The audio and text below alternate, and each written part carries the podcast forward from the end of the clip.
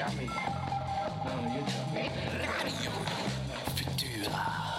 Er is geen eenvoudige of snelle uitweg, maar deze zeer moeilijk is.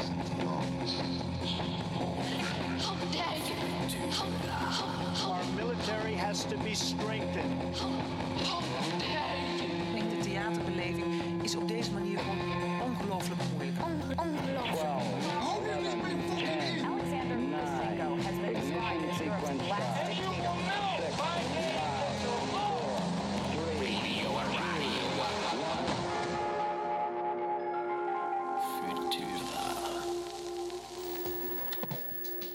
Je luistert naar Radio Futura, radio over theater in deze bewogen wereld. En mijn naam is Gian van Gunsven. En deze hele week staat Radio Futura in de teken van de zaak Shell. De voorstelling die Anouk Nuyens en Rebecca de Wit in samenwerking met Milieudefensie maakten over, jawel, de zaak Shell. Die Milieudefensie aanspande tegen Shell. Uh, zij benoemen klimaat als een verantwoordelijkheidscrisis. En hier in Radio Futura raken we aan diezelfde thematiek in drie speciaal daarvoor gemaakte uitzendingen. Vanavond, vandaag, is jongeren milieu actief aan zet. Oftewel de nieuwe generatie. Het is uh, de jongere tak van Milieudefensie, maar tegelijkertijd ook een beweging aan zich, waar jongeren zich inzetten voor klimaat.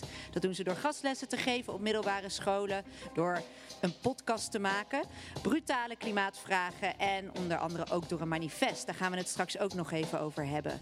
Maar voor vanavond wisten ze voor hun brutale klimaatvragen een aantal mooie gasten te strikken. Onder andere Andy van den Dobbelsteen, hoogleraar, hoogleraar Climate Design en Sustainability. Kijk, het is een moeilijk woord. Het is waarschijnlijk ook een heel moeilijk onderwerp aan de TU Delft. En verder Laat mij eens even kijken. Ilko van, von Meijenveld, uh, werkzaam geweest bij Shell. En Peer de Rijk, woord voor de klimaat van Milieudefensie. Uh, kortom, het woord is aan jongeren milieu actief. Radio Futura, Radio Futura. Bij mij aan tafel zit Melissa Eshuis. Zij is van het podcastteam Brutale Klimaatvragen van Jongeren Milieuactief. En zij zit hier samen met Kim van Wijgaarden, bestuurslid communicatie van Jongeren Milieuactief. Eh, prachtige naam, ik uh, blijf het gewoon herhalen. En zij uh, gaan in gesprek met Andy van den Dobbelsteen. Ik kondigde het net al heel onhandig voor, maar hij is in ieder geval hoogleraar aan de TU Delft.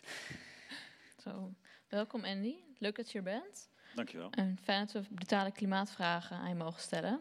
Geen. En dan begin ik met de eerste vraag.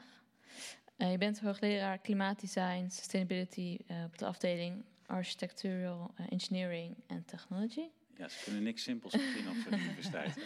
nee. En dan vragen we ons af, waarom heb je ervoor gekozen om je bezig te houden met deze onderwerpen? Oh, um, nou, dat is al begonnen toen ik uh, aan het studeren was en merkte dat er vrij weinig aandacht was voor duurzaamheid. Dat begrip bestond toen nog helemaal niet. Het was allemaal ecologisch bouwen of uh, milieubewust bouwen. Um, maar daar waren maar een paar mensen mee bezig, eigenlijk de pioniers in de bouw. Um, en toen ben ik, heb ik besloten mijn afstudeerproject daarover te doen en daarbij uh, mensen te betrekken. En ja, dat is al begin jaren negentig geweest, eeuwigheid geleden. En sindsdien ben ik daar in het vakgebied gebleven. En dat is later duurzaamheid gaan heten, duurzaam bouwen. Um, en ja, daar valt natuurlijk heel veel onder. Uh, klimaat, energie, water, materialen, uh, natuur, et cetera. Oké, okay. dus je was een beetje pionier al. Uh, nou, ik ben niet de pionier, want dat waren dus de mensen waar ik het van geleerd heb, zeg maar. Ja. Um, op mijn eigen universiteit had je Jon Christensen, uh, Kees Duivenstein en Teke de Jong. Dat waren de drie milieuhoogleraren. Mm. Nou, die zijn allemaal zo'n beetje met pensioen gegaan rond het jaar 2000. En toen kwam eigenlijk een andere generatie waar uh, ja, ik denk ik ongeveer de oudste van ben. Oh ja. um, dus er is wel een aardig gaatje geweest tussen de, de zestigers van toen en, uh, okay. en mijn generatie. Ja. ja. En, en waarom moeten we ons hiermee bezighouden? Wat, waarom is dit belangrijk om ook het duurzaam bouwen te gaan betrekken? Hoe, hoe staat het ervoor met het klimaat? Nou, in de bouw is het heel belangrijk omdat uh, de bouw is verantwoordelijk voor 50% van alle grondstoffenstromen okay. op de wereld. Uh, en dus ook van de afvalstromen die daarmee uh, verband houden. Um, er wordt iets van uh, 30 tot 40 procent van alle energie gebruikt in de gebouwde omgeving en met de bouw. En ook de CO2-uitstoot is daar ongeveer vergelijkbaar mee. Misschien ietsje minder omdat de industrie wat heftiger Hm. eh, vervuiling uitstoot. Maar ehm, er, er moet dus behoorlijk wat gebeuren eh, in de gebouwde omgeving. Willen we eh, in 2050 klimaatneutraal kunnen zijn? Ja.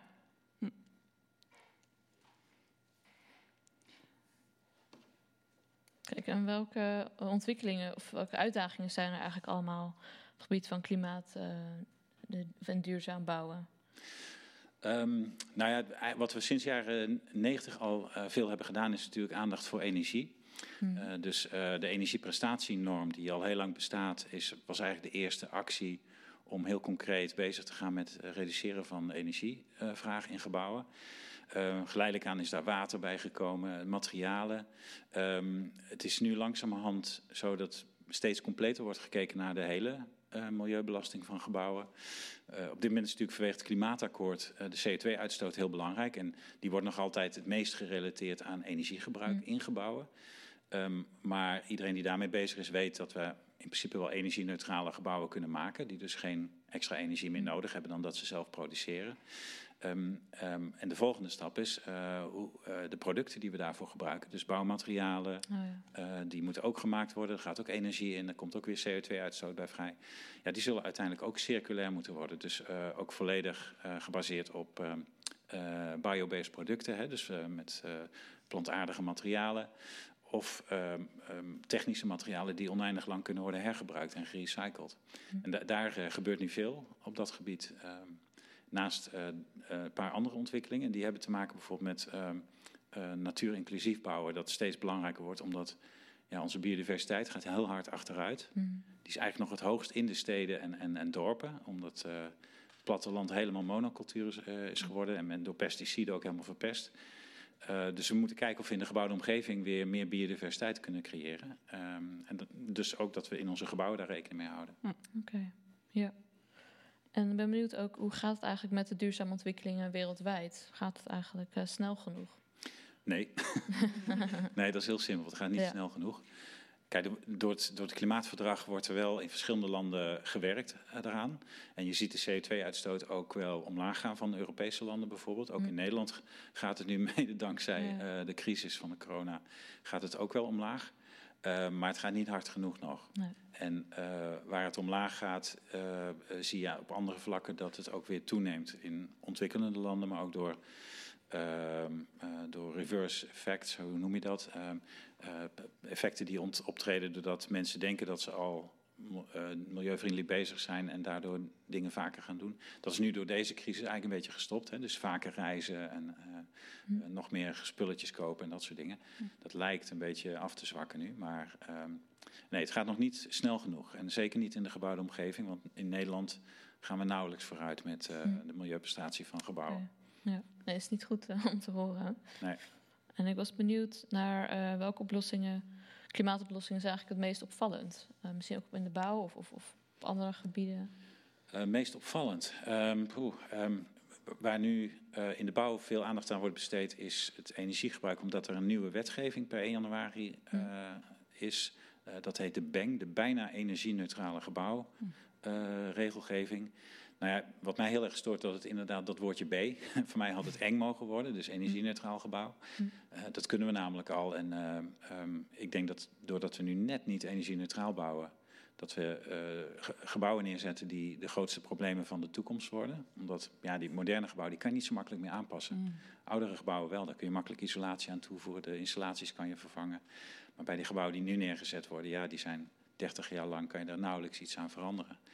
Dus ik denk dat dat eh, nog een probleem wordt. Hm. En we hebben natuurlijk de hele grote opgave van de energierenovatie in bestaande gebouwen en steden. Hè. Dus de steden moeten nu werken aan eh, transitieplannen. Met name om van het aardgas af te komen. Hm. En, ehm, en daarbij ja, hebben ze een aantal ehm, hoofdopties. Ehm, dat is bijvoorbeeld all-electric worden, eh, warmtenetten aanleggen of bijvoorbeeld overgaan op groen gas. En groen gas kan biogas zijn of waterstof. Of dat. Hm. Nou, daar, daar, wordt, daar wordt heel erg over gesteggeld op dit moment. En Ja. eh, veel gemeenten worstelen daarmee. Dus dat, maar men is er dus wel mee bezig. Ik, ik was net even misschien wat negatief, maar in Nederland hebben we wel een redelijk eh, duidelijk klimaatakkoord. Met alle bouwpartijen en andere industrieën. Ehm, maar ik vind nog wel dat het te langzaam gaat. Ja. ja, want dan wil ik eigenlijk een, een beetje brutale vraag tussendoor stellen. Uh, wel, ja, zo, juist je dus bezig met, met klimaatoplossingen. En als jongeren zijn we vanuit JMA en andere organisaties ermee bezig. Um, maar als we eerlijk zijn, ja, hoor je ook wel vaak... we zijn eigenlijk al een beetje te laat en, en houden onszelf niet een beetje voor de gek dan eigenlijk. Of, uh, ja, als je dat doet, dan kun je net zo goed overal mee stoppen. nee, ik ben een optimist. En ik, ja. ik, ik, leer natuurlijk studenten uh, duurzaam ontwerpen. Um, en um, behalve dat, dat, dat ik daarmee ook aangeef dat ik er vertrouwen in heb dat, dat mm. het wel kan. En dat we zoeken naar nieuwe oplossingen die veel verbetering kunnen brengen. Krijg je ook door, ja, de jonge generatie brengt ook weer nieuwe ideeën, nieuwe, uh, nieuwe inspiratie. Uh, dus je ziet dat, uh, dat er heel veel dingen gebeuren. Um, dat, dat, merk je ook bijvoorbeeld aan de start-ups die worden opgezet door net mm. afgestudeerden of mensen die net een promotieonderzoek hebben afgerond en inmiddels weten hoe een bepaald product goed kan werken. Um, die start-ups brengen ontzettend veel innovatie in de, de bouw en in de gebouwde omgeving, in, in consumentenartikelen en zo.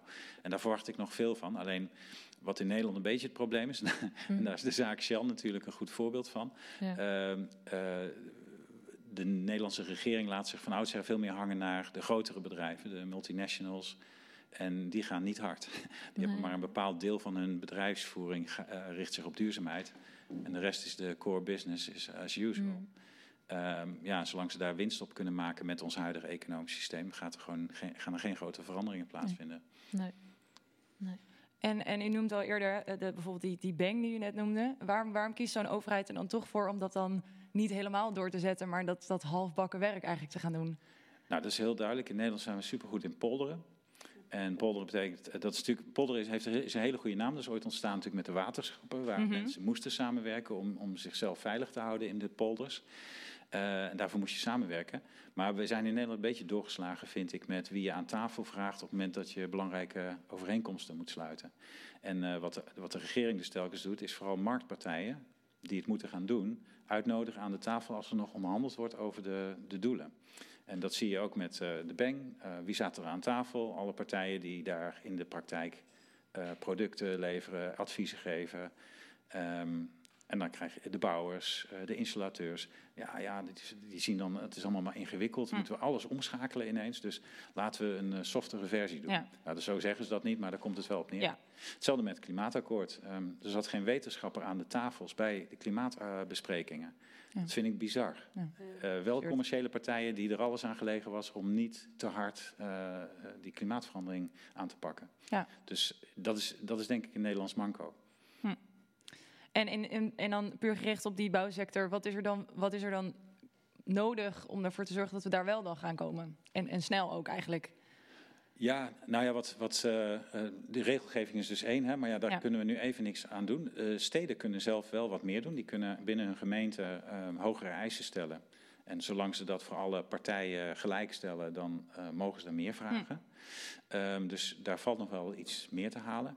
Um, opdrachtgevers zelf kunnen natuurlijk ook zeggen van ja, maar uh, waarom zou ik iets doen wat minder slecht is, terwijl ik het helemaal goed kan doen. Uh, ik, ik, ga gewoon voor een volledig duurzaam gebouw dat uh, CO2-neutraal is, dat biobased is, dat ja. gezond is, dat natuurelementen in zich heeft.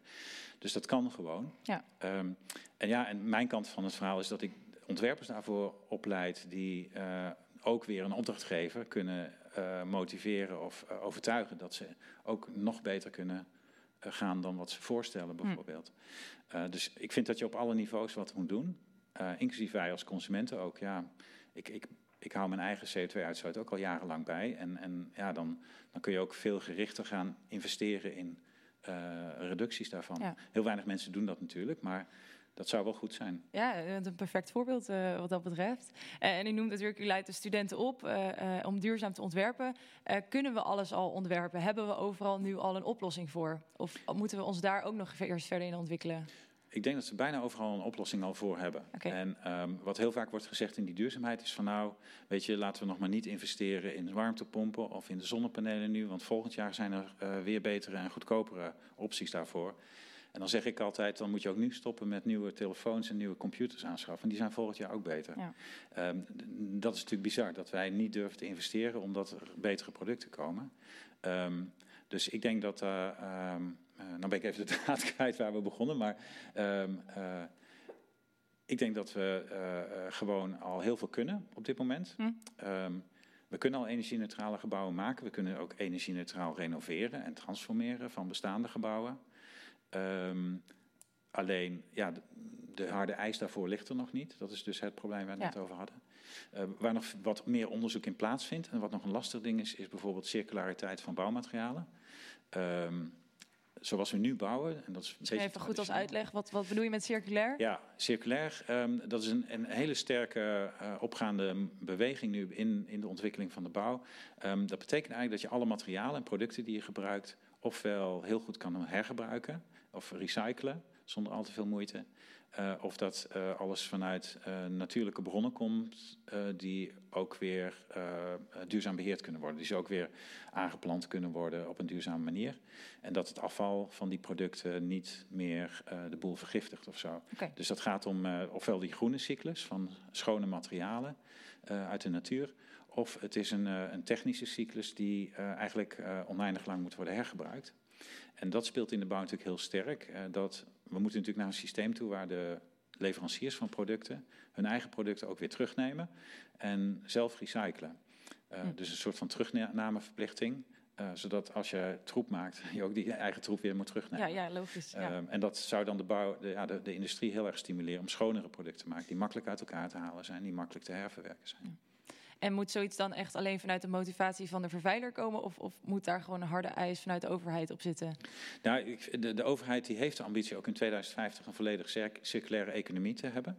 Ik denk dat daar ook de toekomst ligt. Dat, eh, dat wordt de redding voor Nederlandse bedrijven die dat nu nog niet zijn. eh, omdat de hele wereldeconomie rond die tijd eh, geen afval meer zal accepteren en producten die niet worden herverwerkt. Ehm, dus er gebeurt al wel wat, maar ehm, ik vind het allemaal nog te makkelijk. Als je naar individuele bouwprojecten kijkt en je kijkt om je heen hoe er gebouwd wordt, dan is het overal nog ter plekke gestort beton. ehm, met, eh, eh, met stalen netten, met dingen die gewoon ingestort worden, zoals leidingen. En al. Nou, dat is niet circulair, want die kan je niet meer zonder Nee. meer uit elkaar halen. Oké. Ehm, ik was ook benieuwd naar het onderwerp klimaatontkenners. Of je daar in je vak mee te maken hebt. Of, of bijvoorbeeld eh, milieu- veel mensen, milieuactivisten zeggen dat het al- temperatuur altijd al, klimaat altijd al verandert en een nieuwe cyclus zitten. Ehm, ja, kom je het ook in jouw vak tegen, dat soort termen of, of mensen Tuurlijk, die het daarover ja. hebben? ja. Ehm, eh, gelukkig niet op de universiteit. Nee. ehm, wij hebben aan de TU Delft een, een, een visiedocument gepresenteerd namens alle wetenschappers die bezig zijn met klimaatonderzoek, of met Mm. klimaatmitigatie, oftewel energietransitie, of met klimaatadaptatie, hè, dus de aanpassing aan de veranderingen. Eh, dat zijn tientallen wetenschappers. En we hebben eh, onder leiding van de rector magnificus een visiedocument beschreven hoe wij zien dat eh, het klimaat, de klimaatkennis op dit Mm. moment is. En dat het dus ja. klink en klaar is dat, dat er iets moet gebeuren. Dat het echt Ja. een probleem is en dat de mens verantwoordelijk is met zijn CO2-uitstoot. Ja. Ehm, en ja, ik, ik kom sceptici heel vaak tegen, vooral op social media. Eh, maar daar ga ik hard tegen in. Ehm, nou ja, dat, dat heb ik ook eh, een tijd geleden gedaan. En toen kreeg ik echt alle trollen ongeveer over me heen. Die, Is eh, dit dan Oké. een, een Twitter-gevecht? eh? ja, dat was, ja, dat had ik nog nooit meegemaakt. Maar toen is Oh, mijn. Ik, ik had een, een, een, een rijtje tweets, eh, zo'n lijntje had ik eh, gemaakt over een artikel in de Telegraaf. En eh, die werd ongelooflijk veel gedeeld en eh geliked in het begin. En na anderhalve dag kwamen de tegenstanders kwamen, eh, eh, kwamen erachter. En toen kreeg ik alle bagger over me heen. Hm. En, eh, en dat is echt, dat heb je wel geleerd dat het heel vuile oorlog is. Ja. Dan word je persoonlijk aangepakt en je wordt beschuldigd van belangen en, en dergelijke. Maar ehm, weet je, ehm, ik merkte toen ook dat ehm, ik kreeg toen vanaf dat moment heel veel bijval. En toen is ook vanuit de TU dat initiatief gekomen om Ja. zo'n klimaatvisie Oké, uit te werken. Maar ja, die sceptici die zijn er. En in elke presentatie die ik geef in Nederland eh, begin ik altijd met een aantal slides over klimaat, eh, klimaatkennis. eh, aan de hand van een aantal sceptische uitspraken. Dat begint met van nou, er is helemaal niks aan de hand. Dit is gewoon ehm, verschil tussen weer en klimaat. Om te laten zien dat dat niet klopt. Dan vervolgens Hmm. zegt men natuurlijk, ja, maar het klimaat heeft altijd, eh, is altijd eh, verander, aan het veranderen geweest. Dan kan ik laten zien, ja, maar de laatste honderd jaar is echt extreem. Ja. Eh, en dan zeggen ze vervolgens, ja, maar CO2 is daar niet verantwoordelijk voor. Dit is een andere oorzaak. Eh, en dan kan ik laten zien dat CO2 wel de oorzaak is. Nou ja, zo, zo eh, haal ik al die sceptische argumenten onderuit. Ja. En, eh, en overtuig je die mensen dan uiteindelijk, uiteindelijk ook? Nou, ik, ik, ik, ik hoor daarna geen tegenspraak. Okay. Um, kijk, ja, ik heb de wetenschap achter me, dus ik voel me heel erg zelfverzekerd daarin. Ja. En um, vanuit de zaal heb ik dan meestal, of ja, nu tegenwoordig online, heb ik geen rare vragen meer. Uh, de, de, enige vraag die je dan krijgt is van ja, maar hoe gaat het nu verder? Hè? Dus dat is natuurlijk waar de wetenschap mee bezig is. Van wat zijn nu de verwachtingen voor de toekomst? En, en B, welke maatregelen moeten we treffen? Ja. En zijn die te duur of zijn die uh, effectief? Dus de vraag over kernenergie is de laatste tijd uh, heel erg actueel. Ja. dus daar gaat het nu meer over. Ik heb het gevoel dat de sceptici ook steeds meer in een schulp terugkruipen. Um, omdat het duidelijk is dat er gewoon wat aan de hand is. En het, de Wereldmeteorologische, uh, de WMO, de World Meteorological Organization, die komt met steeds heldere metingen waarin uit blijkt dat het gewoon falikant misgaat op dit Ja. moment. Dus ja, dat kun je wel ontkennen, maar dat, uh, dat is gewoon, dat houdt Nee. niet stand. Nee, en dan hoop je natuurlijk maar dat, dat als de sceptici in een schulp kruipen, dat dat wel betekent dat ze overtuigd zijn in plaats van dat ze natuurlijk gewoon thuis blijven ontkennen en niet meehelpen zeg maar, aan het oplossen. Dat is natuurlijk daar wel. Ja, ja nou, je, wat ik net al een beetje beschreef in die, in die stellingen van de sceptici, die zijn, die, dat schuift telkens op. Hè? Dus dat gaat van acceptatie van, oké, nou goed, dit is wel aan de hand, maar dit. En dan, Hmm. oh, oh nee, ja, oké, dat is dan wel aan de hand, maar dit. En nu is het vooral van, ja, maar uh, moeten we dan zoveel investeren in energierenovatie, in het omschakelen van aardgas naar warm, warmtepompen. Dus dan gaat het, nou is het ineens de geldkwestie. Mm. Dat is veel te duur. Ja. He, zoals Thierry Baudet zei, uh, 100, nee, 1000 miljard. Uh, wat, bullshit is, want dat heeft, is al doorgerekend dat dat nooit zal zijn. Um, maar um, het, wordt, ja, het wordt nu zeg maar gespeeld op van nou, dan, dan moeten we maar kernenergie gaan doen en alle andere maatregelen niet. Ja. Terwijl kern, voordat je kerncentrales hebt, heb je al zoveel milieubelasting extra veroorzaakt dat Ja. dat ook niet een goede oplossing Nee. is voor nu en 20 jaar. Nee. Dus nou ja, dat, dat is uh, de ontwikkeling daarin. Ja. En, en is, u noemt hè, dat andere mensen het geld als probleem noemen. Uh, gaat een, voor zeg maar gewoon de burger, gaat dat geld een probleem zijn? Dat we moeten naar warmtepomp en dergelijke. Uh, gaan we niet op een gegeven moment stoppen dat de mensen die geld hebben om een warmtepomp te kunnen aanschaffen dat doen? Maar waar blijft dan zeg maar de normale burger? Kan die dan de switch wel maken? Ja, nou, ik denk dat de gemeenten daar een hele belangrijke rol in hebben in hun warmtetransitieplannen. Dus in hun plannen hoe ze denken van het uh, aardgas af te, mm -hmm. af te gaan. En, uh, want gemeenten weten ook wel dat ze in bepaalde wijken, uh, waar niet kapitaalkrachtige mensen wonen, dat ze daar natuurlijk veel moeten steunen. Ja. En daar kan een warmtenet bijvoorbeeld aangelegd door de gemeente, kan dan een oplossing zijn. En een Of- warmtenet, dat, dat is warmte vanuit bijvoorbeeld grote bedrijven die warmte over hebben, toch? Dat, Eh, dat kan, ja. Eh, hoewel dat die bedrijven ook steeds efficiënter worden en je minder overhoudt. Eh, steeds meer. Eh, ik denk in de toekomst de, echt duurzaam, de, me- de grootste duurzame warmtebron op hogere temperatuur zal geothermie zijn. Dus dat is eh, aardwarmte van, diepe lagen. Daar hebben we in Nederland gelukkig best veel eh, van voorradig. Hm. Maar het zal nooit volledig de gasvraag kunnen voorzien. Dus we moeten ook voor een heel groot deel naar all electric toe. En eh, er zal een klein deel ook zijn die op duurzaam gas gaat draaien. Maar ik denk dat we daar onze industrie eh, naar voren moeten schuiven als Ja. de kandidaat die met gas aan de gang gaat. En Ja. niet onze woningen die ja, met, met aardgas van 1500 graden eh, de boel op de 20 graden houdt. Dat is een beetje onzin Ja. en verspilling natuurlijk. Ja. Dus dat, daar, daar zijn nog wel wat inhaalslagen op te maken, als ik zo hoor. Ja. Maar om je op je vraag terug te komen, die kosten, dat is een hele interessante. Want ja, eh, natuurlijk kost een omschakeling geld. Ja. Veel daarvan verdient zich terug, gewoon door eh, een lage of een nul energierekening. Eh, maar er zullen ook investeringen zijn die zich eh, misschien niet helemaal terugverdienen. Maar wat het oplevert, en, en dat, daarin zou de overheid dan moeten bijschieten. ehm, wat het oplevert is natuurlijk een veel schoner leefmilieu. eh, betere woningen, comfortabele woningen. En natuurlijk eh, eh, een toekomst voor onze eigen kinderen en kleinkinderen. Nou ja, voor, voor jullie. En dat is, mag best wel wat kosten. We vergeten nog wel eens dat wij het rioolsysteem hebben we ook aangelegd. Dat kost ook hartstikke veel geld. Maar het heeft ons wel eh, een veel betere volksgezondheid opgeleverd. En niemand heeft het toen gehad over terugverdientijden. Hetzelfde geldt voor het gasnet. Het gasnet is ook gewoon besloten, we gaan het aanleggen. Ja, dat kost geld, maar eh, dat was een veel betere vorm dan kolen bijvoorbeeld in kachels. Ja. Dus ja, ik denk dat we weer een beetje af moeten van dat, eh van dat terugverdiendenken. Eh, we, we zijn nu bezig over onze toekomst. Ja. En, en Hmm. eh, die waarde is veel, veel hoger dan, dan het geld van de komende jaren. Ja, geld, geld dus niet op de eerste plaats, maar de toekomst. Ja, of, of je moet er alles in meenemen. Hè? Dus Ja. het kan er ook dat je dus de waarde van de milieuschade nu mee gaat nemen in, in de kosten van, van fossiele energie, van vervuilende producten. En dat gebeurt ook nog steeds niet. Nee. Dus een, een, een CO2-tax is wel het minste wat we zouden moeten doen. Ehm, maar het zou nog meer, veel meer moeten gebeuren. Want uiteindelijk is het zo dat alle milieuschade moeten we ook weer met belastinggeld herstellen straks. Dus uh, eigenlijk zou dat nu al verrekend moeten worden in de prijs van uh, producten. Nou, dat is, nou, omdat uh, het poldermodel dus allerlei partijen aan tafel ja. zet die daar absoluut geen zin in hebben, ja. gaat dat denk ik voorlopig niet gebeuren. Nee. Maar zou dus wel moeten gebeuren? Vind ik wel, ja. ja. En ik ben niet de enige hoor. Ook economen zijn er die dat ondersteunen. Ja. Kijken hoor. En uit onderzoek blijkt dat we... Even kijken, andere vraag. Het onderzoek blijkt dat we eerst uh, het beste armoede uit de wereld kunnen helpen en dan pas uh, met bewuster. En dat men dan bewuster met klimaat bezig zou zijn. Uh, en dat ook bijvoorbeeld dit blijkt wanneer mensen een hoog ja, onderwijs krijgen en opgeleid worden. dus moeten we niet eerst daarop richten? Hoe denk jij daarover? Het is niet een kwestie van eerst of laatst. ik denk dat alles moet gebeuren. Wij moeten ook doen wat wij verplicht zijn te doen. En, en ja, ehm, het, de term duurzame ontwikkeling is ooit in 1987, eeuwigheid geleden, is, is ooit bedacht uh, uh, om uh, milieudoelen te koppelen aan economische doelen en aan sociale doelen. En de definitie destijds was ook al van nou, we moeten niks doen wat onze huidige generatie, nee, wat het, het, voor toekomstige generaties in gevaar brengt om in hun behoeften te voorzien. En dus, nou, dan denk, dat vertaalt iedereen als van, nou ja, we moeten gewoon lekker kunnen blijven leven en zorgen dat we in de toekomst ook nog lekker kunnen leven. Maar de echte definitie in dat rapport was ook uh, om economie en ecologie met elkaar in balans te brengen.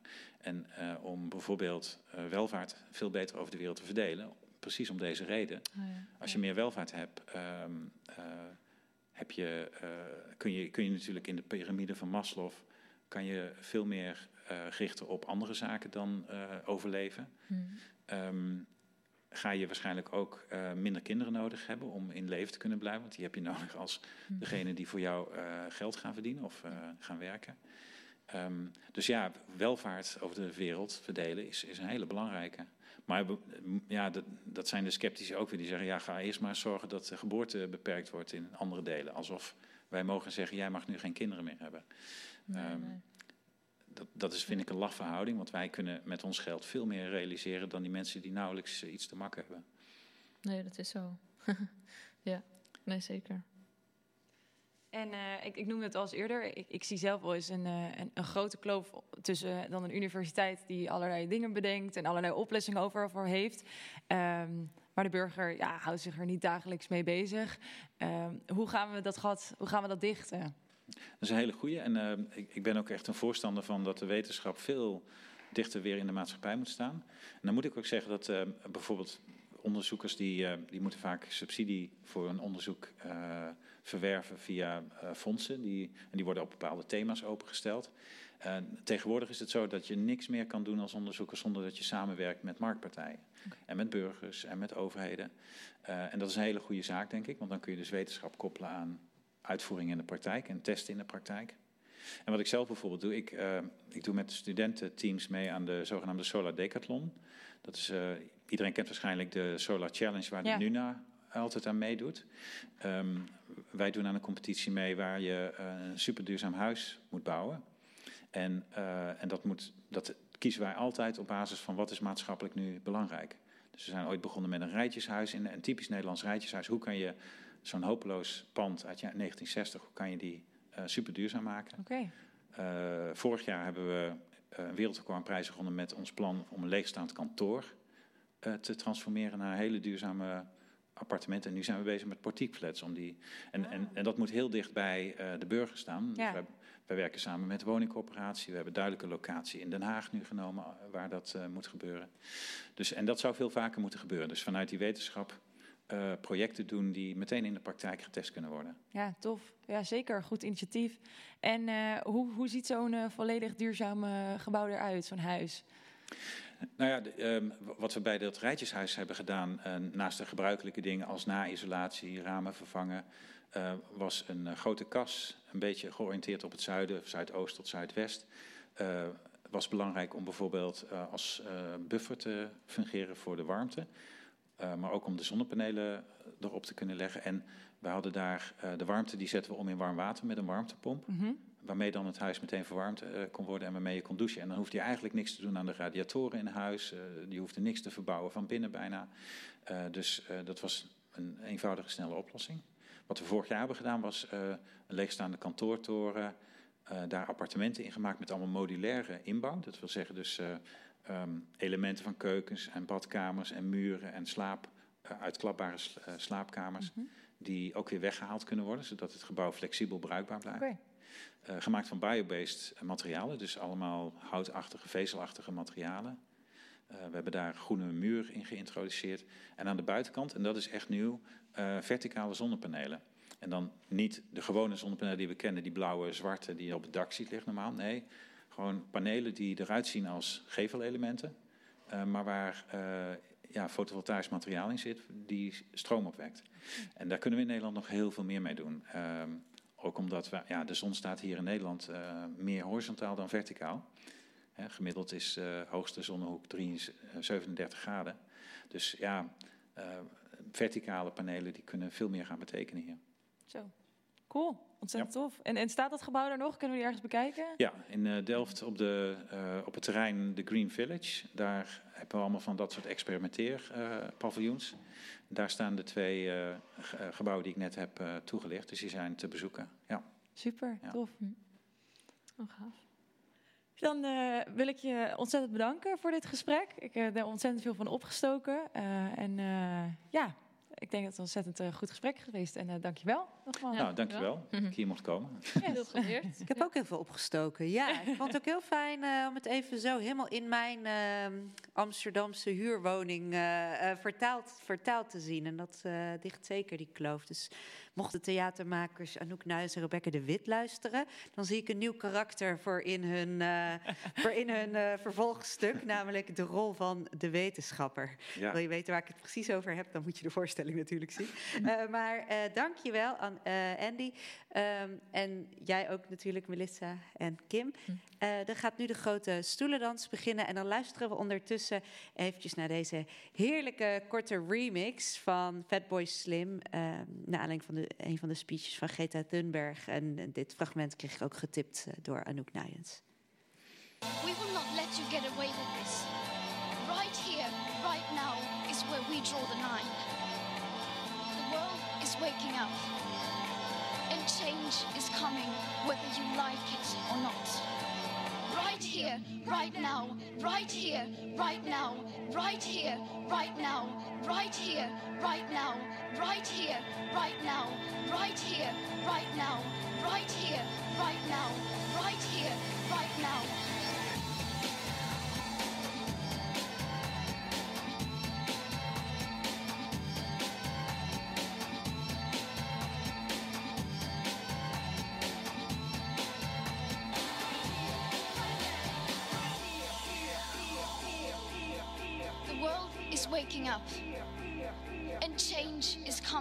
Whether you like it or not. Thank you.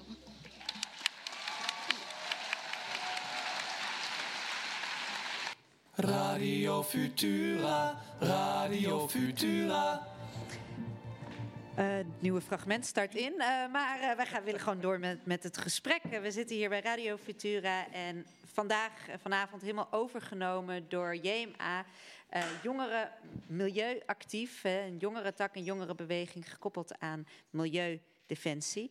En uh, binnen het kader van hun podcast Brutale Klimaatvragen hebben zij wat gasten weten te strikken op wie zij helemaal los mogen. En uh, niet, niet de minste, hier zit Peer de Rijk. Hij is woordvoerder klimaat in de rechtszaak die Milieudefensie heeft aangespannen tegen Shell.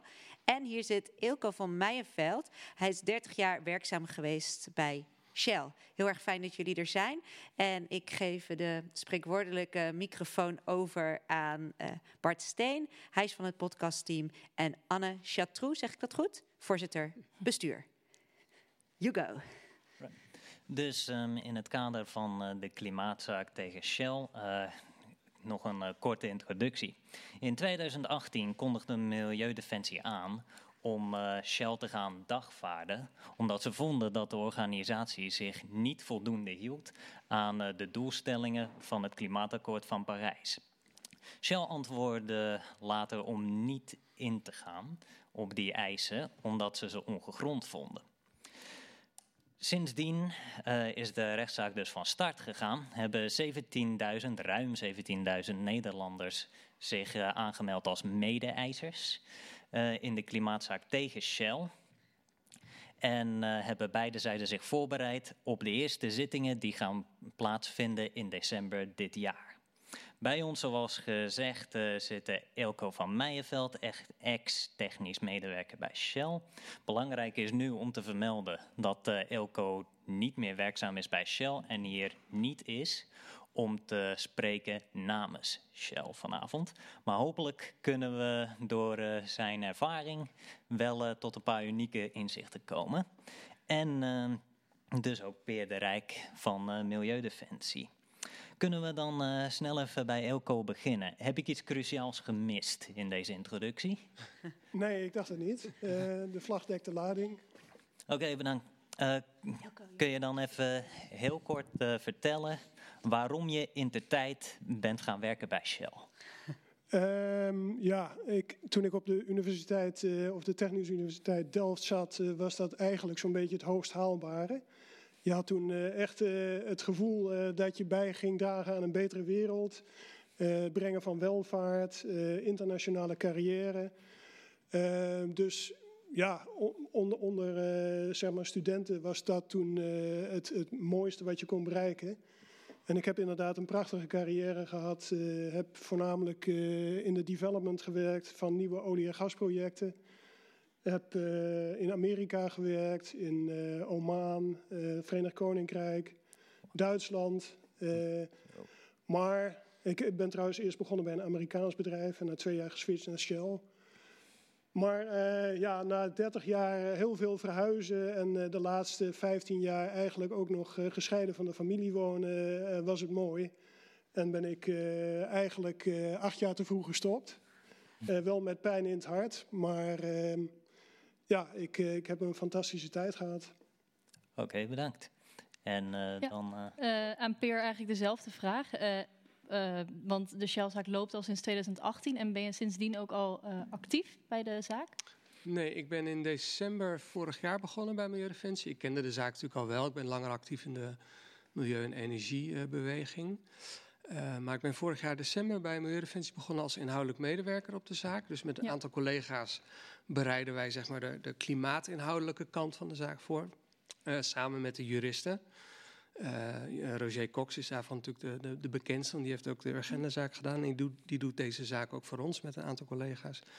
Dus ik ben de afgelopen, wat is het, acht maanden of zo, ben ik alleen maar bezig, vrij monomaan bezig geweest met inlezen op uh, ja. de olie- en gassector. En dan heel specifiek Shell. Ja. ja. En, en kun je misschien iets meer vertellen over waarom Milieudefensie deze rechtszaak is begonnen? Ja, eigenlijk is het uh, uiteindelijk is het heel simpel. Uh, Shell pompt uh, gas en olie op en verbrandt dat, of is verantwoordelijk in elk geval voor het feit dat het verbrand wordt. En dat leidt tot gevaarlijke klimaatverandering.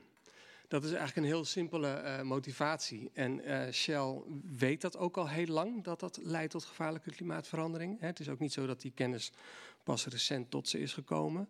En doet er eigenlijk al decennia lang te weinig of niets aan om daar verandering in te brengen. Dus ze weet al decennia, al tientallen jaren, dat de wereld in gevaar wordt gebracht. En daarmee ook de bewoners van die wereld. Um, en en uh, verandert haar beleid niet. En dat is voor ons reden om, naar, om uiteindelijk, hè, na lang op allerlei manieren proberen daar verandering in te brengen, om uiteindelijk de, de stap te zetten om naar de rechtbank te gaan en te vragen of die in wil grijpen. Ja. En wat we concreet vragen is uh, een eis om waarin Shell uh, in 2030 uh, 45% minder CO2 uitstoot door haar activiteiten. En dat is een stapje op weg naar uiteindelijk 2050 nul uitstoot. Ja. ja. En, en zien jullie uh, Shell dan ook als de hoofdverantwoordelijk om dit probleem op te lossen? Of hoe, hoe zie je dat uh, in het verantwoordelijkheidsverhaal? er wordt vaak gewezen naar heel veel verschillende plekken. Ja. Um, ja. Hoe... Uiteindelijk, kijk, we zijn collectief met elkaar verantwoordelijk. Uh, en, en Milieudefensie vindt natuurlijk ook dat vooral de politiek aan zet is om het mogelijk te maken tot verandering te komen. Daar ligt uiteindelijk wel het, uh, het mandaat daartoe.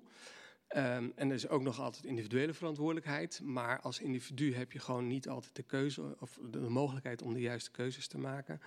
En Shell is wel een hele grote speler mondiaal.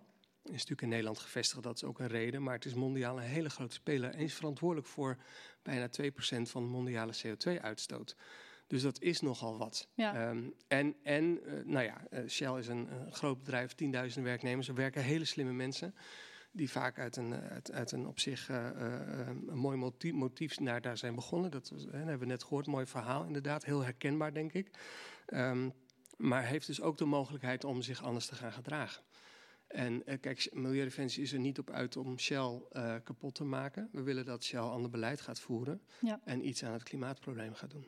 De invloed die ze hebben is groot. Is gigantisch. gigantisch. Ja, is gigantisch. Ja. Met heel veel mensen, heel veel invloed, ook op de politiek trouwens. Hè. Dus Shell is natuurlijk ook, ja. wist niet alleen van klimaatverandering, maar is ook al decennia lang heel actief aan het lobbyen geweest. Ja. Op alle niveaus tegen verdergaand klimaatbeleid. Dus wat ons betreft heeft ze echt wel een speciale verantwoordelijkheid. Ja. En uh, Milieudefensie is deze zaak niet alleen begonnen, maar met een aantal mede-eisers, waaronder uh, wij zelf, Jonge Milieuactief. Ja. Uh, en waarom is Milieudefensie deze zaak niet alleen ingegaan? Nou, het is natuurlijk belangrijk om dat draagvlak te laten zien. Of te laten zien, niet alleen, we hebben 17.000 individuele mede-eisers. Er hadden er ook veel meer kunnen zijn, maar op een gegeven moment was er een stop, omdat het naar de rechtbank moest, zal ik maar zeggen. Um, en toen zijn gelukkig ook veel collega-milieuorganisaties en ontwikkelingsorganisaties en natuurorganisaties aangehaakt. Um, en ja, JMA is wat dat betreft voor ons nou, des te belangrijker, omdat het de stem is van zeg maar, de, de jongere generatie. En die heeft er nog meer belang bij dat er echt daadwerkelijk iets gaat veranderen. Dus voor ons is het heel goed dat het een breed gezelschap is en ook met een, forse gezamenlijke achterban. En dat laat zien dat, ja, dat het draagvlak er op zich, de wens, de, noodzaak om tot verandering te komen, is heel groot. Ja, mooi. Um, en dan misschien een vraag aan jullie beiden. Uh, want Shell heeft gedurende deze zaak nooit commentaar naar buiten gebracht over de klimaatzaak. En wat is volgens jullie de reden hierachter? Nou, zal ik beginnen? Want, ja, uh, dat is goed. en zoals gezegd, ik kan natuurlijk niet namens Nee, Shell praten. nee. Maar voor mij is het niet een grote moloch. Maar het zijn allemaal mensen van, uh, van vlees en bloed met wie ik heel uh, plezierig heb samengewerkt. Het is natuurlijk niet prettig als jij een rechtszaak aan je broek krijgt. En de eerste neiging is dan als jij uh, zeg maar uh, gesoerd wordt uh, om in je schuttersputje te gaan zitten en de loop naar buiten. Uh, persoonlijk ben ik meer een aanhanger van het Rijnlandse model, dat je verbinding zoekt en de dialoog aangaat. En dat mag, best scherp zijn. Ik ben ook blij te horen van Peer dat hij ons niet als de boeman ziet, maar dat er ook redelijke mensen werken. Ik denk dat Shell bij uitstek bereid is om die dialoog aan te gaan. Dus uh, maar een rechtszaak maakt alles natuurlijk anders. En ik Ja. ga er ook niks van zeggen, want in uh, december speelt de zaak. En dan uh, gaan we horen hoe redelijk het is uh, wat er geëist wordt. Um, maar in de tussentijd zit, tussentijd zit Shell natuurlijk niet stil. Er gebeurt een hele hoop, maar daar komen we later op, op, op terug. Ja. Misschien dat Peer hierop wil reageren. Nou, kijk, eh, eh, er wordt natuurlijk door de, door de milieuorganisatie, ook door Milieudefensie, wordt er al tientallen jaren uh, uh, aan dit probleem gewerkt. En ook in relatie tot de verantwoordelijkheid van Shell. Dus er zijn eerder allerlei campagnes en acties geweest en gesprekken. Uh, we hadden het geloof ik in het eerste deel van de, van de uitzendingen ging het over de Nederlandse polder. Um, uh, Shell zit daar diep in, met, met tentakels tot behoorlijk diep in de vaderlandse politiek, maar ook internationaal en in, in Europa natuurlijk. Um, ik snap dat Shell zegt, ze hebben ook een hashtag hè, waarmee ze communiceren liever in gesprek. Dat begrijp ik heel goed, want zij willen natuurlijk maar al te graag dat we nog eindeloos met elkaar in gesprek blijven. Terwijl wij zeggen, sorry, het is al enkele tientallen jaren duidelijk welke kant op gaat. Dat we te veel CO2 uitstoten, dat de olie- en gassector daarin een speciale verantwoordelijkheid heeft. Dat Shell daarbinnen een hele grote speler is. Um, het, op een gegeven moment is het gewoon klaar met in gesprek gaan. En moet er echt wat gebeuren. En als dat niet gebeurt of onvoldoende snel gebeurt. en de politiek slaagt er ook niet in om in te grijpen. ja, dan rest ons eigenlijk niets anders dan het aan de rechter voor te leggen. Ja. En we zijn, natuurlijk is het spannend ook wat de rechtbank gaat zeggen. Ik bedoel, in die, zin- we, Zeker. we weten natuurlijk niet zeker dat we gaan winnen. We gaan er wel van uit. Maar dat weet je natuurlijk niet zeker. Ja, kortom, ze moeten nu in actie komen. Ja, ze moeten in actie komen. Ja. En kijk, het is niet, wij gaan niet met plezier naar die rechtbanken. We zijn ook niet, niet met plezier tegenover Shell. Het liefst zouden we natuurlijk willen dat we eh, één goed gesprek bij wijze van spreken. En Shell zegt, weet je wat, uh, we snappen het, jullie hebben gelijk. We gaan nu een enorme bocht maken. Ja. Daar hebben ze ook gewoon de capaciteit en de middelen en de slimme mensen voor. We vragen ook niet of ze morgen willen stoppen met het oppompen van olie en gas. Maar als je kijkt naar die, als je die eis vertaalt, 45% minder CO2 in 2030, uh, dan zal ze wel vanaf morgen moeten stoppen met het zoeken naar nog meer olie en Mhm. gas. Maar dat is wel een behoorlijke nuance. Het is echt niet zo dat Shell vanaf morgen eigenlijk met lege handen staat. Ja, duidelijk. En eh, als we dan nou even terug kon- konden schakelen naar eh, Elko. En eh, we dan zou, eh, zouden hebben inderdaad over die hele diepe tentakels in de grond. Enzovoort. Ehm, je bent heel lang eh, werkzaam geweest bij Shell. Dus misschien heb je er wel, eh, wel inzicht in als we je zouden vragen. Stel hypothetisch dat Shell nou gewoon zou stoppen met bestaan. Alle tankstations van Shell zijn weg. Alle diensten die Shell levert zijn weg. Zouden Nederlanders dan eh, alternatieven hebben om naar over te stappen? Ja of nee? Nou, de vraag is natuurlijk op welke over welke termijn je praat. Als je dat instantaan doet, dan heb je natuurlijk een enorme disruptie. Dan valt eh, de druk uit het gasnet weg. eh GasUnie moet gaan afschakelen. En dat gaat eh, stap voor stap. Als laatste de ziekenhuizen. Elektriciteitscentrales worden voor een belangrijk deel nog met gas gevoed. Die vallen om. Ehm, ja, de benzine toevoer naar de pompstations die valt weg. Nederland komt gelijk stil te liggen. Eh, op langere termijn gaan andere maatschappijen natuurlijk in dat gat springen. Eh, je hebt eh, Gazprom die enorme gasvoorraden heeft boven de Poolcirkel in het Jamal-schiereiland. Dat wordt dan via hele lange pijpleidingen aangevoerd. Een alternatief is dat het gas uit Amerika komt, het schaliegas, wat notabene dan liquefied wordt. Trump die probeert nu uit alle macht eh, een pijpleiding vanuit Rusland te stoppen om de weg vrij te maken voor zijn eigen schaliegas. Maar dat is natuurlijk allemaal veel milieu-onvriendelijker dan wat er nu gebeurt. Dat er gewoon lokaal eh, de meerderheid van het gas geproduceerd wordt, zelfs nu eh, Groningen ingesloten wordt. Eh, en dat je dat gaat vervangen met veel onvriendelijke voorraden en ook met maatschappijen die een ander milieubeleid voeren dan Shell. Ja. Dus, dus de snelheid waarmee je het doet, is, is alles bepalend. Juist. Ehm, nou, gelukkig dat Milieudefensie dan, eh, zoals je zegt, jullie niet helemaal als de boeman ziet, natuurlijk. Maar ehm, als ik het eh, goed begrijp, ehm, zou het wel een hele tijd duren voordat andere organisaties dat gat zouden kunnen vullen. Heeft Shell nu een behoorlijke monopolie op eh, die dingen die je hebt genoemd? Nou, het, is niet eens zozeer een monopolie. Ja, Shell Pernis levert natuurlijk samen met de Esso-raffinaderijen voor een groot deel aan alle pompstations. Eh, idem dito, eh, de gasvoorziening eh, is voor een groot deel, ja, dat gebeurt dan via de NAM en de GasUnie. NAM is een joint venture met Esso. Maar dat kan je niet zomaar weghalen zonder dat daar enorme consequenties zijn. Voor de langere termijn, als anderen in het gat springen, dan kun je de vraag stellen: waar ben je mee bezig? Ja, je, je, duwt Shell out of business en je haalt maatschappijen binnen die jou veel milieu-onvriendelijke gas aanleveren. Eh, als jij eh, schaliegas uit de Verenigde Staten gaat importeren, dan moet het eerst liquefied worden. Eh, nou, we weten allemaal wat, wat schaliegaswinning betekent in de Verenigde Staten, maar zij hebben een overproductie. Eh, dus het, je bent niet efficiënt bezig. Ik denk dat je veel beter met Shell die dialoog aan kunt gaan van hoe je nou op lange termijn eh, een alternatief kunt vinden voor de huidige gasvoorziening. En want we praten wel eh, over elektriciteit, warmtepompen, eh, elektrische auto's. Van de huidige energievoorziening in Nederland is 10% elektriciteit, van waarvan we inmiddels 25% duurzaam leveren. Valt ook nog wel een kanttekening bij te maken, want van die 25% is weer 6% eh, biomassa. Ehm, maar dat betekent dat eh 90% van de energie, verwarming, industrie, vervoer, dat je daar toch eh, of veel meer elektriciteitscentrales voor moet bouwen, of inderdaad hele diepe eh, zeg maar waterputten voor moet slaan om, om warmte aan te leveren. Dus dat is niet 1, 2, 3 eh, te regelen. Ja, dat eh, snap ik. Dus ehm, in verband daarmee. ehm, eh, en als we dat gesprek nou zouden aangaan waar dat je het net over hebt. Stel hypothetisch dat eh, Shell de rechtszaak zou verliezen. En Milieudefensie krijgt min of meer wat dat ze willen. Zou dat binnen Shell echt iets veranderen? Zou dat iets teweeg brengen? Nou, mijn eerlijke antwoord is: het maakt helemaal niets uit, want iedereen binnen Shell is tot in zijn haarvaten overtuigd dat er iets moet veranderen. Ja, of we het nou leuk vinden of niet, ehm, de huidige manier van opereren is niet sustainable. Aardgas is natuurlijk een prachtige transitie uh, energieverstrekker geweest om van de kolen af te komen. Toen ik klein was, uh, waren de meeste Europese steden nog onder een dikke roetlaag bedekt van de kolenproductie, de kolengas.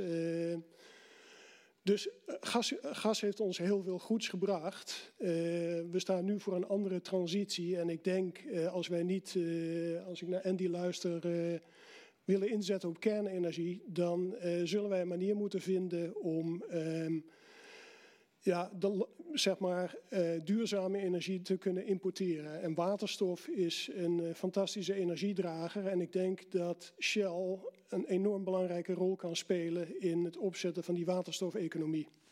Oké. Okay. Um... Ja, we moeten dus weg van de manier hoe we nu energie winnen. Maar um, hoe denkt Milieudefensie over de invloed van deze rechtszaak? Gaan we dan, uh, ja, hoe zien jullie dat voor je? Nou, kijk, als we winnen, dan heeft dat natuurlijk een hele directe impact op het, uh, de activiteit van Shell. Dan zal er dus 45% minder CO2 moeten worden uitgestoten in 2030. Dan zul je echt wel wat moeten gaan doen als bedrijf. Um, dat, ik, dat kan onder andere door bijvoorbeeld massaal te gaan investeren. In plaats van in olie en gas uh, kun je gaan investeren in, in duurzame energieoplossingen. Dat, ja. is een, dat is een richting. Een andere richting zou kunnen zijn dat je als bedrijf kleiner wordt. Even over die discussie, er wordt, dat zegt Shell natuurlijk ook in de rechtszaak, sorry, als, hè, dat, dat het uh, niet uit zou maken een vonnis, omdat het gat wat zou vallen in, de, in het aanbod van olie en gas meteen opgeslokt zou worden door andere partijen. Um, wij denken dat dat anders zit. Er gaat natuurlijk een, een gigantisch signaal uit van zo'n rechtszaak. Wat ja. ook heel veel effect zal hebben in de markt. We merken nu al, we weten dat heel veel andere olie- en gasbedrijven heel scherp aan het opletten zijn op deze zaak. Het is hè, wereldwijd de eerste die dit op deze manier probeert. En reken maar dat uh, alle andere olie- en gasbedrijven uh, elke dag daar heel goed naar, naar, zullen kijken. En in gespannen afwachting zijn van de uitslag daarvan, net als wij. Um, dus dat zal ook zijn effect hebben. Het zal effect hebben op de financiële markt, hè, op de investeringen ja. in olie en gas. Dus wij denken dat met een fonds wel degelijk iets zal gaan uh, ja. veranderen in die markt. Um, en ja, de, de opgave, ik bedoel, daar zijn we het over eens, de opgave is gigantisch. De energievraag is enorm. Er is natuurlijk ook nog een, een miljard mensen wat op dit moment nog heel weinig toegang heeft tot energie bijvoorbeeld. Um, dus daar, moet heel veel gebeuren. Maar wij zijn er wel van overtuigd als Milieudefensie dat dat op dit moment ook al kan op een duurzame manier. Nou ja, bekend zijn natuurlijk wind en zon, maar uh, geothermie is al genoemd. Waterstof als drager, belangrijk. Dat, dat moet je dan wel volgens uh, uh, met groene stroom zeg maar, kunnen maken. Dus dat leidt nog meer tot de noodzaak van nog veel meer windparken en zon. Uh, dus, maar goed, dat, dat zijn allemaal mogelijkheden, er zijn veel mogelijkheden. En niet te vergeten, ik vergeet het zelf stom genoeg ook vaak, maar het begint bij besparing. Kijk, alle scenario's, ook van de VN-klimaatwetenschappers, laten zien. We halen onze doelstelling om ongeveer op die anderhalve graad maximale stijging uit te komen. En niet daarboven, daarboven te schieten. Halen we echt alleen als we eerst beginnen met heel veel besparen. En daar ligt dus eigenlijk de grootste uitdaging. Dat is niet makkelijk, daar willen we niet aan, we houden er niet van. Um, er is ook weinig vanuit de politiek ook te weinig aandacht voor. Terwijl technisch, we hoorden net ook Andy daarover, technisch zijn er gewoon gigantisch veel mogelijkheden. En het helpt natuurlijk ook om eerst aan besparing te werken, want dat geeft ons ook iets meer tijd, zeg maar, om ondertussen te werken aan het ja, verbeteren van die uh, duurzame alternatieven. Wat bedoel je met besparing? Besparing door wie? Waarop? Oh, sorry. Ja, ja het, het, minder, min, het minder gebruiken van energie. Of het nou in de bouw is, of in, in, uh, in het vervoer, of uh, bij de productie van voedsel, er wordt, of, of in het verwarmen van je huis, of het verlichten van de kantoren. Uh, er gaat nog gigantisch veel energie natuurlijk verloren. En dat is, dat is op allerlei manieren dood en doodzonde. Het is ook financieel vaak aantrekkelijk. Um, maar we, ja, we knutselen liever aan uh, technologische oplossingen in de toekomst. Dan dat we gewoon om ons heen kijken naar wat er, wat er mogelijk is om nu wat te veranderen. Ja, nou misschien één ding nog om toe te voegen. Uh, ik ben het helemaal eens met uh, het commentaar over besparingen. Het is niet dat Shell helemaal niks doet. Ja, op het ogenblik wordt het grootste offshore windmolenpark ter wereld, of in ieder geval in Europa, aangelegd voor de Nederlandse kust. En ook in mijn eerdere carrière heeft Shell uh, vol geprobeerd in te zetten op de bouw van een zonnepanelenfabriek. We de grootste in Europa. We zijn toen helaas uit de markt gedrukt door prijsdumping uit China. Dus ja, we, we zijn wel degelijk, of ik mag niet meer we zeggen, maar ze zijn wel degelijk uh, uh, vol bewust dat, uh, dat we moeten veranderen. Ja, en ehm, de vraag is hoe snel kun je dat doen? Ja. Maar desondanks um, investeert Shell slechts 4% van hun beschikbare fondsen in groene energie en groene innovatie. Um, nou, ten eerste een nuancerende vraag. Is dat inclusieve in onderzoek naar innovatie, naar groene innovaties? Uh, is die 4% uh, inclusief dat of niet? Ja, dat is eh, typisch een vraag die je eigenlijk direct aan Shell zou kunnen stellen. Ik denk dat de crux is dat er nog altijd veel meer geld wordt uitgegeven aan uh, de klassieke olie- en gaswinning dan aan renewables. En dat, is, dat is zonder meer juist. Um, het is nu eenmaal zo dat, uh, en dat is een duivels dilemma, we hadden het er net over, wat zou er gebeuren als uh, Shell zou stoppen met uh, olie- en gaswinning. Ja, meneer Van Beurden heeft wel 85.000 man personeel in dienst die ook betaald moeten worden. ze hebben natuurlijk allerlei pensioenfondsen die in Shell geïnvesteerd hebben, die ook rendement willen zien. Um, dus je kunt niet zomaar je, je bestaande business aan de kant schuiven. Ze proberen wel van alles. En uh, ja, verandering, uh, veranderingsprocessen die nemen niet lineair plaats, maar die vinden altijd via een S-curve plaats. In het begin lijkt het alsof er heel weinig verandert, maar als je iets, een winning model hebt, dan schiet dat ineens omhoog. Ik weet dat wij uh, in, in Drenthe tien jaar geleden de eerste zo'n beetje waren met zonnepanelen op het dak. de afgelopen twee jaar is dat, heeft gewoon een enorme vlucht genomen. En ik weet zeker ook als Shell dat waterstofmodel aan de praat krijgt, dat die, uh, dat die uitgaven daarin, of investeringen, exponentieel gaan stijgen. Wij hebben natuurlijk in Nederland lang niet genoeg uh, ruimte voor, voor windmolens en uh, zonnepanelen om de volledige 100% aan energievraag af te dekken.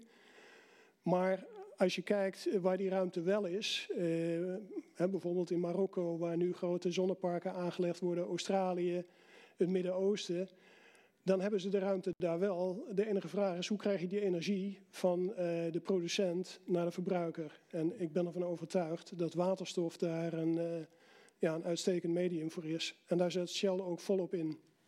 Oké, dat is uh, hartstikke goed om te horen. Um, en nu dat je het hebt over al die verschillende technologieën. Uiteindelijk, als we willen dat er iets gaat veranderen, zul je toch groene energie of duurzame energie goedkoper moeten maken dan fossiele brandstoffen. Daar is een enorme shift voor nodig. Dus um, waarom, als we nou eventjes het getal aan kunnen houden, waarom investeert Shell dan niet meer in, uh, fossiel, uh, sorry, in groene energie? Ja, het probleem is, eh, niemand heeft een silver bullet. Ja, als meneer Van Beurden een grote switch had waarbij hij van de ene, het ene bedrijfsmodel kon switchen naar het andere, dan zou dat prima zijn. Maar dit soort transities gaat in kleine stapjes totdat je een breakthrough hebt. En ik denk persoonlijk dat uh, er een aantal ontwikkelingen zijn die mogelijk voor de tra uh, traditionele olieindustrie het Kodak-moment zijn.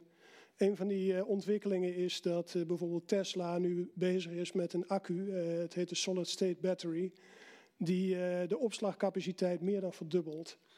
Als dat zo is en, en ook nog eens goedkoper maakt, als dat zo is, dan worden elektrische auto's concurrerend tegen benzineauto's. Ja, Elon Musk die heeft al voorspeld dat er na 2025 geen benzineauto's meer verkocht worden. Ja, nou, hij heeft een hele grote mond, maar je kunt hem één ding nageven, dat hij altijd levert van wat hij, uh, wat hij zegt.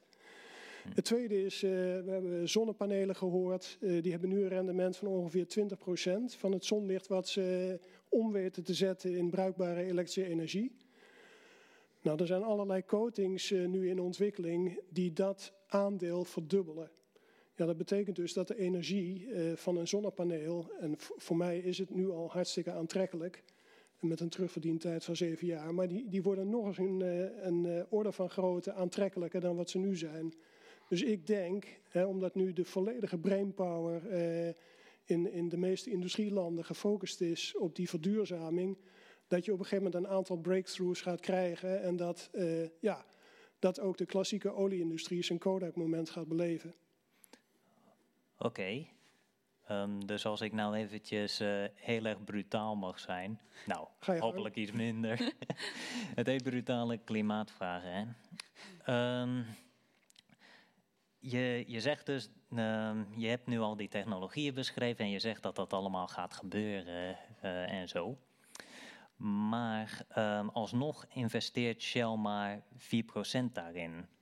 Ehm, ik, eh, ik kon toch niet eh, het idee loslaten, nu, nu net, dat je eigenlijk zei dat het sowieso wel gebeurt en dat Shell daar, daarom niet dus de, eh, de druk voelde om daar meer nu in te gaan investeren. Of heb ik dat mis? Nee, dat heb je niet goed begrepen. Shell voelt wel degelijk de druk. Ja, het is eh, sowieso de klimaatvraag, eh, maar het is ook de wetenschap dat de wereld gewoon pijlsnel aan het veranderen is.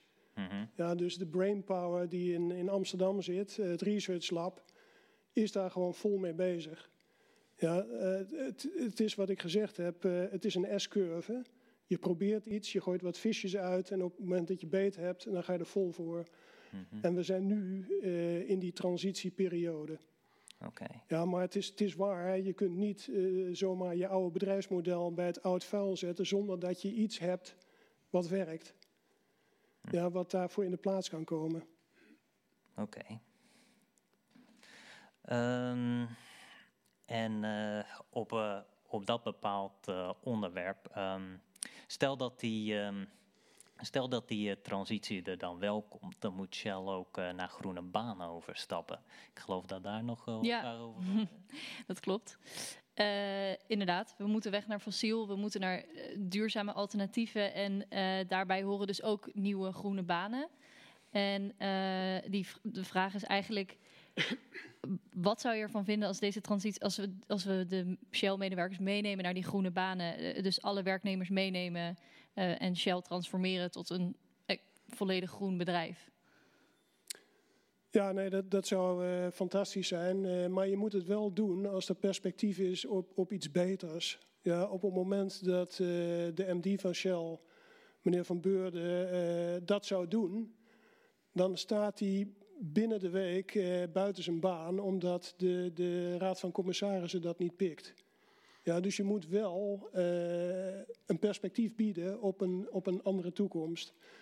Ik weet zeker dat. eh, Financieel perspectief bedoel je? Of wat bedoel je met perspectief? Nee, het perspectief eh, voor de mensen die nu het bedrijf bezitten. De aandeelhouders, de Ah. pensioenfondsen, eh, die vertegenwoordigd zijn door de Raad van Commissarissen. Ja, het, is- het klinkt een beetje technisch. Ik Daar weet, had ik eventjes eh, niet hem opgegeven, ja. nee, ik weet echt dat, nou misschien niet 100%, maar 99% van de Shell-medewerkers dolgraag eh, dat pad in zouden slaan. Iedere keer als ik naar Amsterdam ging eh, voor overleg over research, dan werd ik erover aangesproken. Wat kunnen wij doen? Ja, ze willen wel, maar zoals gezegd, er is nog niet een silver bullet die voor Shell precies laat zien wat voor alternatief er om de hoek ligt. Ze zijn ermee bezig, er zijn allemaal fiches uitgegooid. Door de gigagroot eh windpark gebouwd, offshore. Ehm, Shell is ook in bi- biofuels. eh, ze hebben in Zuid-Amerika allerlei eh, bio-ethanol opgezet. Dus er wordt van alles geprobeerd.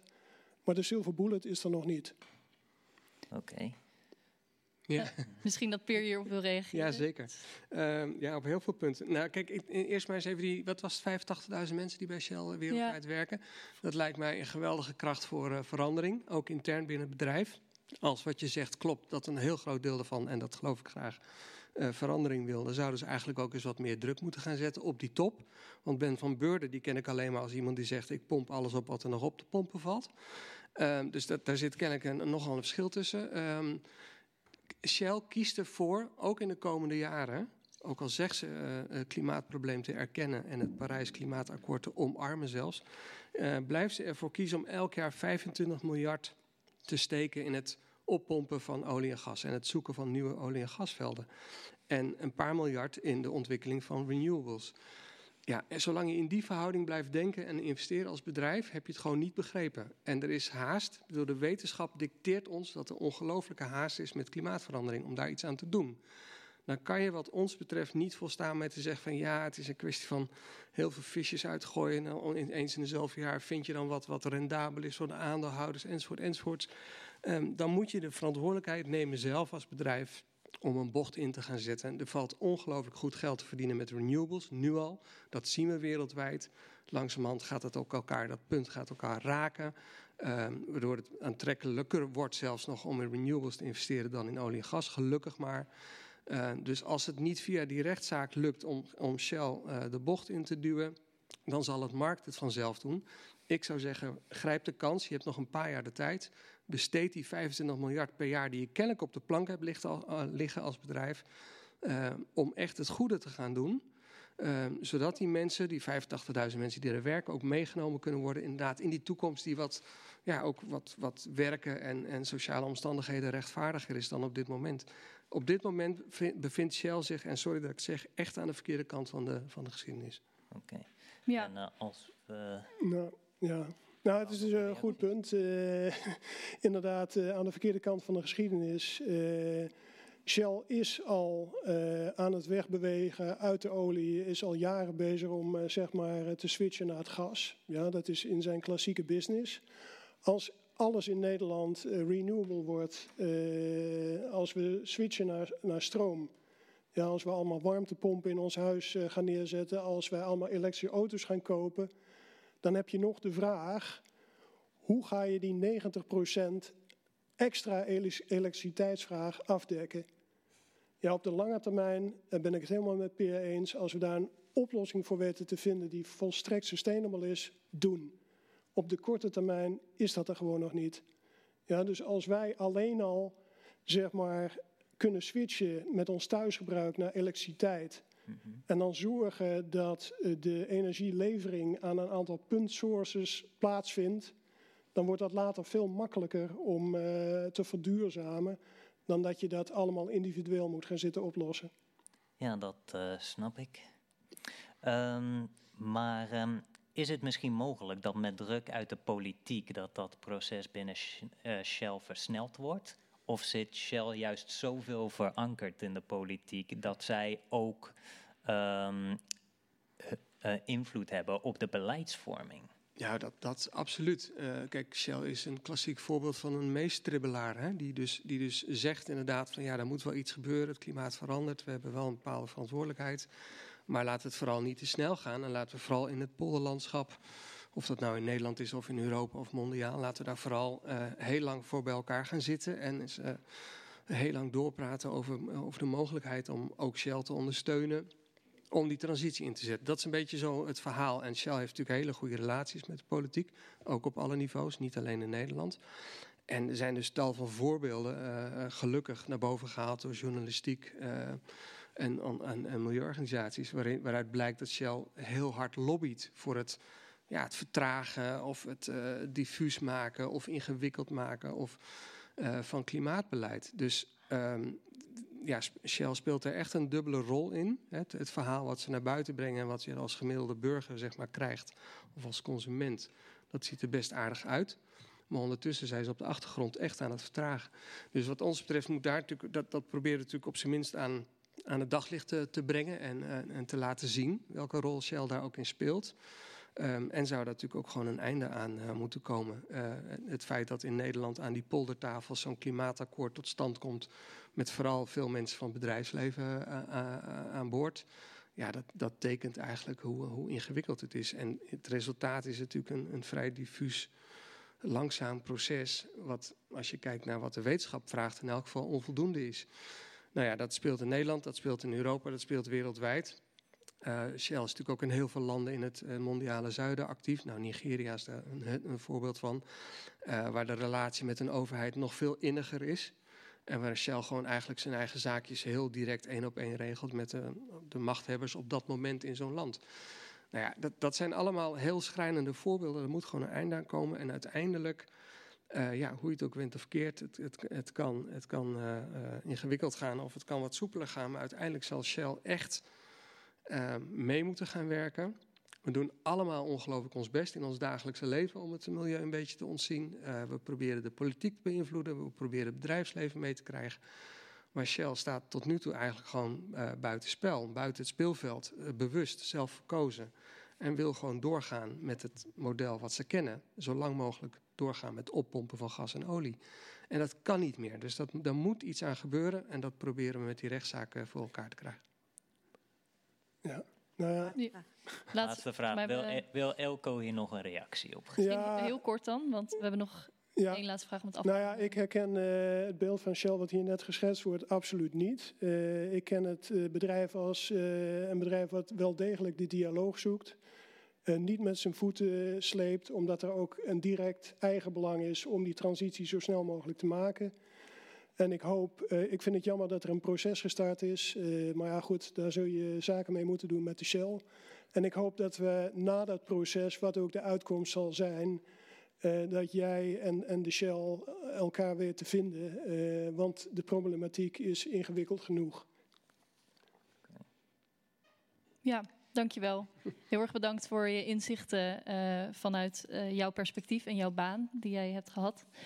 Ehm, ik wilde toch nog één vraag afronden richting Peer. Eh, namelijk, eh, we hebben de hoorzittingen op eh 1, 3, 15 en 17 december. En eh, misschien kun je heel kort aangeven, wat denk jij dat de kansen zijn dat Milieudefensie deze zaak wint? Ja, jeetje. One million do- dollar, dollar question. We gaan winnen, zeg ik dan altijd. omdat we gelijk hebben, als je kijkt naar wat de wetenschap daarover zegt. En de verantwoordelijkheid van Shell daarin. Ehm, maar goed, in alle eerlijkheid weten we dat natuurlijk gewoon niet. Kijk, eh, dat, we zijn de zaak zo goed mogelijk aan het voorbereiden. Zowel juridisch als milieu-inhoudelijk. Ehm, we denken dat er voldoende mogelijkheden in het rechtsstelsel zijn om ons, eh, ons gelijk daarin te halen. Eh, we gaan het zien. Het worden vier dagen, dat is heel bijzonder. Dat Mhm. er zoveel dagen voor uitgetrokken zijn. Betekent in elk geval dat de rechtbank bereid is om echt goed op de inhoud te gaan luisteren. Echt naar beide partijen goed te luisteren en te kijken eh, ja, hoe het zit en waar het vandaan komt en wat er nodig zou zijn. Dat, is, dat beschouwen wij als een bemoedigend eh, signaal, zal ik maar zeggen. Hè, dat het niet in één dag afgeraffeld wordt. Dus in principe ziet ook de rechtbank dat er mogelijkheden zouden zijn wellicht om in het Nederlandse rechtssysteem een v- zo'n vonnis eh, te wijzen. Dus wij, wij kijken er met plezier en vertrouwen naar uit. Heel erg bedankt aan jullie allebei. Moeten we het hierbij laten? Hoe ga jij, ik ben heel benieuwd, hoe ga jij het mee luis- eh, kijken, luisteren straks in december? De rechtszaak, ga je dat volgen? Of heb je Nou, het stond niet bij mij op het radar. Ik, ik ben natuurlijk al een paar jaar weg nu bij Shell. Ja. Eh, maar eh naar wat ik vandaag gehoord heb en ook Peers uitleg, eh, ja, heb ik wel eh, de volle interesse hoe dat gaat aflopen. Dankjewel. Uh, dankjewel Bart en Anne ook voor jullie brutale klimaatvragen. En eh, voor jullie voor het delen van jullie beide perspectieven. Ik eh, begrijp het. Ik heb er weer meer inzicht in. En eh, ja, ik wil niet te veel frascati reclame maken, omdat we er al zitten. Maar ik kan jullie alle aanraden om... eh, om de, om de voorstelling te gaan zien. Want deze hele complexe materie, inclusief het ehm, ja, ook heel menselijke eh, standpunt achter Shell, wordt daarin vertolkt. Ja. En dat is een eh duizelingwekkende en hersenkrakende Ja. ervaring. Oké. Radio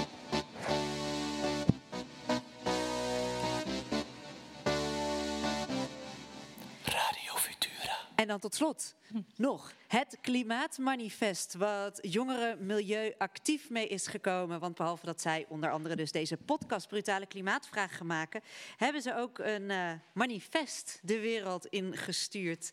Eh Anne Chatrou, je zat er al eventjes. Je bent de voorzitter van Jongeren Milieu Actief. Ja. Ehm, wat, wat, wat houdt dat manifest in?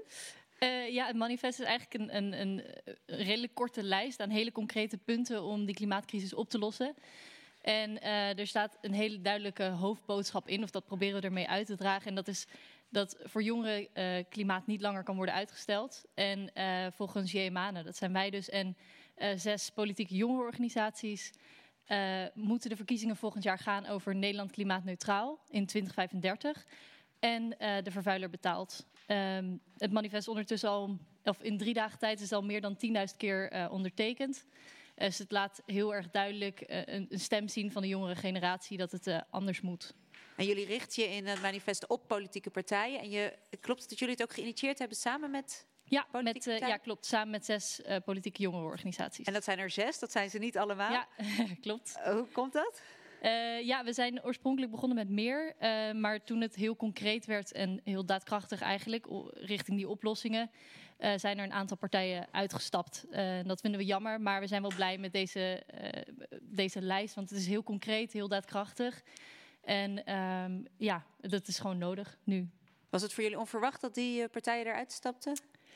Um, Ik weet niet over welke je het hebt.